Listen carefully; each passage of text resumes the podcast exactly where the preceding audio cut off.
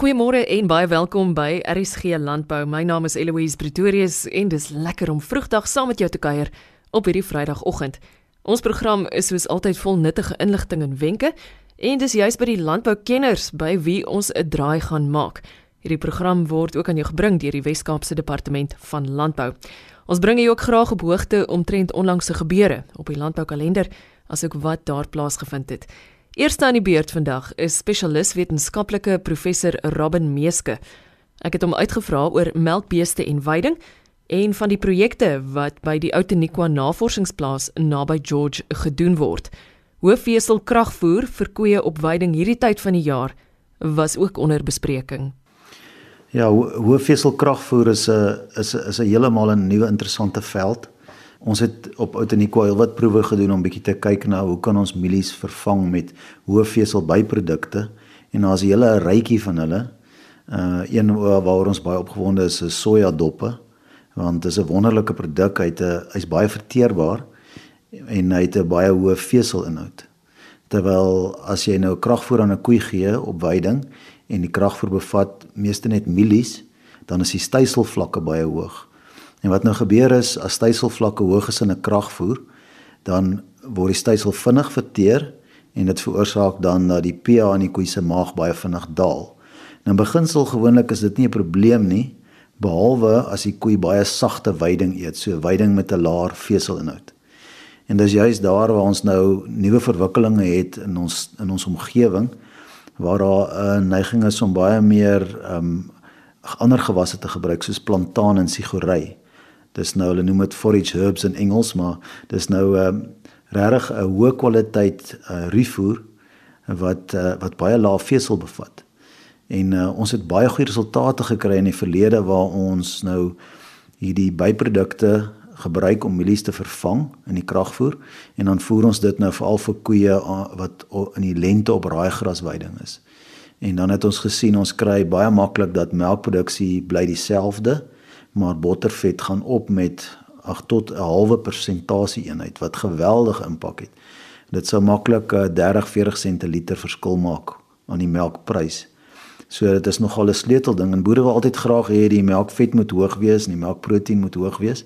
So uh, ons het nou 'n proef wat nou begin waar ons koeie nou in die dag op plantaan gaan wy en dan in die nag op raaigras, so die helfte van hulle inname is plantaan.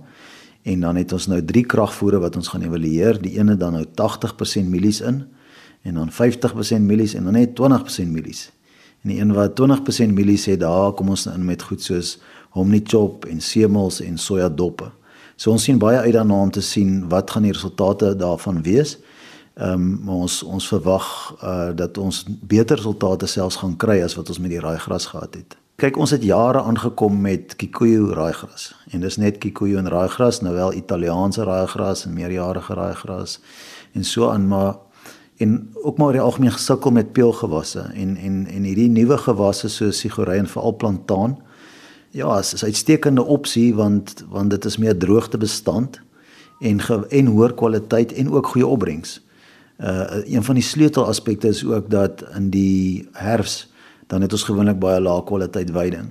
So in die herfs dan groei plantaan baie mooi en hy verhoog dan die kwaliteit van veiding. Dis 'n groot pluspunt.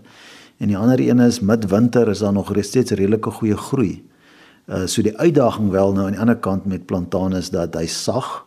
So die beeste gaan nie so baie herkou nie, hy het nie so baie effektiewe vesel nie.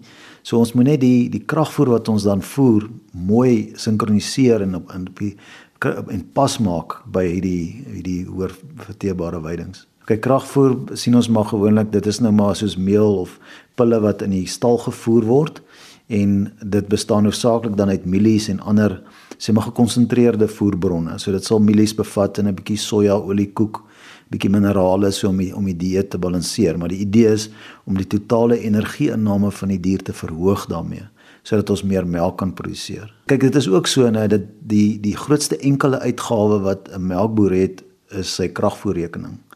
So is nogal 'n kritiese besluit wat jy neem van hoeveel kragvoer jy voer en wat is die samestelling van die kragvoer.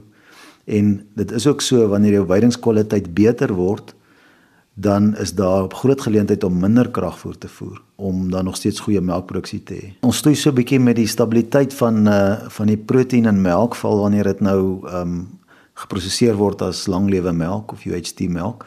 Ons het vandat ons laas gepraat het nie, nog nie weer 'n nuwe proef begin nie, maar ons is redelik seker dat die oplossing lê binne in 'n mineraalmetabolisme om dit beter te verstaan en om die effek van hittestres te probeer minimaliseer en dan ook enige voedingsstres op die dier. So ons kyk na 'n moontlike proef volgende jaar waar ons wil kyk na verskillende fosfaatvlakke om dan te kyk kan ons met verskillende pile van fosfaatvoeding tot 'n mate die die probleem die hoof bied maar dit dit is ongelukkig 'n baie komplekse probleem uh omdat dit soveel op soveel maniere geaffekteer word want met die stabiliteit van melk word beïnvloed deur ja goed soos te hoë kaliumvlakke kalsium fosfaat wanbalanse, te min fosfaat, te min proteïen in die dieet en dan sommer net voedingsstres en hitte stres. Dit gaan nie baie goed met 'n koei wanneer sy baie warm kry nie en dit is een van ongelukkig een van die dinge wat skeefloop dat die proteïen stabiliteit van die melk kan negatief geaffekteer word. Kyk vir die ontliggend is dat ons wil stres voorkom. Nou dit klink nou baie vaag, stres voorkom. 'n uh, mens kan baie ver kom daarmee. So die eerste ding is kry die koeie genoeg kos. Dit klink ook baie baie lui man, dit is maar net 'n baie eenvoudige ding om te sê, maar dit is so dat wanneer koeie nou hitte stres kry, sukkel hulle om te eet, hulle wy minder. So wat ons sou wou doen is probeer om al die stresors te verminder. Ons kan ongelukkig hitte stres nie uh, wegvat wanneer dit baie warm is nie, maar ons kan koeie afkoel sien maar by die stal met uh, met waaiers en en en en sproeiers en so aan. Maar verder is dit krities belangrik om seker te maak ons sit nie nou met onnodige stresors nie. Soos te veel kalium nie. Ons sit nie met te min proteïen nie, want as ons diere proteïen ondervoer, dan is dit klaar nie goed nie. Ek ek dink dis maar die heel belangrikste um en dit so daar is nie werklik 'n sien maar vinnige oplossing vir hierdie probleem nie. Ek kan wel sê op plase waar daar baie baie probleme is met stabiliteit van melk, is dit gewoonlik ook so die waterkwaliteit is swak dikwels dit bevat hoë vlakke van natrium en kloor. Die veiding is nie baie hoog gehalte nie. Die koeie kry lae vlakke van kragvoer. Op ander plase dan nou weer waar dit baie min van 'n probleem is, goeie waterkwaliteit, baie goeie veidingskwaliteit, hoër pyl van voeding. So alles, dis soos 'n lae pad en 'n hoë pad. As dinge 'n bietjie uh, moeilik gaan, dan is die probleme met stabiliteit van melk ook gewoonlik groter. Ons het deelgeneem aan die George Skou, die Jersey Kampioenskappe. Ons ons neem maar elke jaar daaraan deel. Ons ons nou nie mense wat baie wyd skou nie, maar dis 'n skou, dit is 'n 'n skou wat hier naby ons is en ons ondersteun graag die bedryf. So ons het met so 10 diere deelgeneem. Ja, ons het ons is te baie tevrede met hoe ons gedoen het. Ons het daarom die reserve senior kampioen koei gekry en dan die ander een was die mooiste of die beste groepie van 3 koeie wat die beste bymekaar pas op die skou. Dis nou die Nestle trofee wat wat dan so wissel trofee wat so toegeken word aan groepe diere. So ons is trots op ons kudde en op ons diere. Ons hoop om in die toekoms nog steeds goed te doen op die skou. Ons primêre doel is navorsing, maar ons wil graag 'n baie funksionele kudde hê wat kan kompeteer kommersieel en ook op op ander vlakke. Dis moeilike tye vir almal, ook vir ons op die op die plaas hierso met die min reën. So dis regtig 'n tyd om te kyk na doeltreffendheid van jou stelsel. Daar's nie meer plek vir passasiers nie. Die water is min, die veiding groei stadig. Ons het regtig baie baie lae reënval gehad die afgelope 2-3 maande. So dis regtig tyd om te kyk na doeltreffendheid en ons moet maar moed hou want die reën sal kom. Maar uh dit is dit's moeilike tye vir die boere in ons omgewing. So gesels spesialis wetenskaplike professor Robin Meeske wat by die Outeniqua Navorsingsplaas naby George werksaam is. RSG Landbou het ook die paneelbespreking bygewoon wat onlangs by die betrokke navorsingsplaas gehou is. George Kuiler was een van die plaaslike melkbore wat op die paneel gedien het tydens die bespreking rondom plantaan. Die gesprek is gelei deur spesialis wetenskaplike Sigrun Amman wat veral gemoeid is met die ontwikkeling van verbeterde veidingstelsels vir melkbeeste. Sy is ook werksaam by die Outeniqua Navorsingsplaas. Thank you. I think that the next thing we need to hear about is is how these different farmers have managed their plantain or their plantain mixes. So the, the grazing rotation, how do they decide when to graze it? What is important in the management of these pastures? George? I think First of all, it's, it's important to to know what it's going to look like on the farm because it's not really pretty. Huh?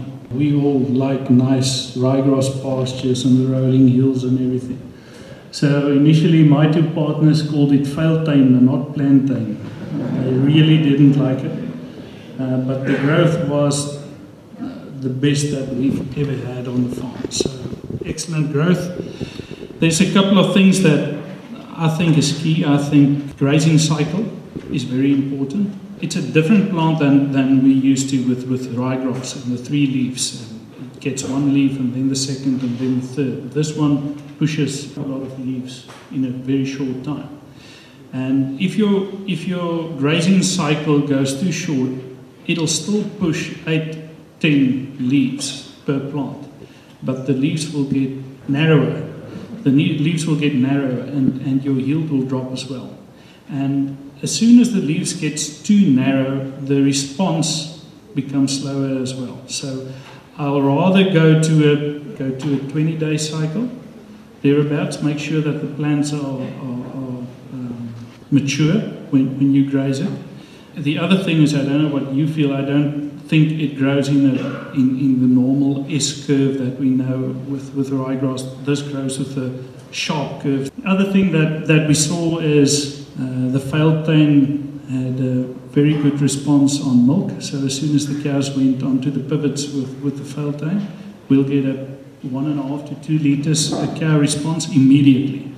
So we graze it in uh, the mornings, we'll do plantain, and in the evening, we'll do the ryegrass or kikio again.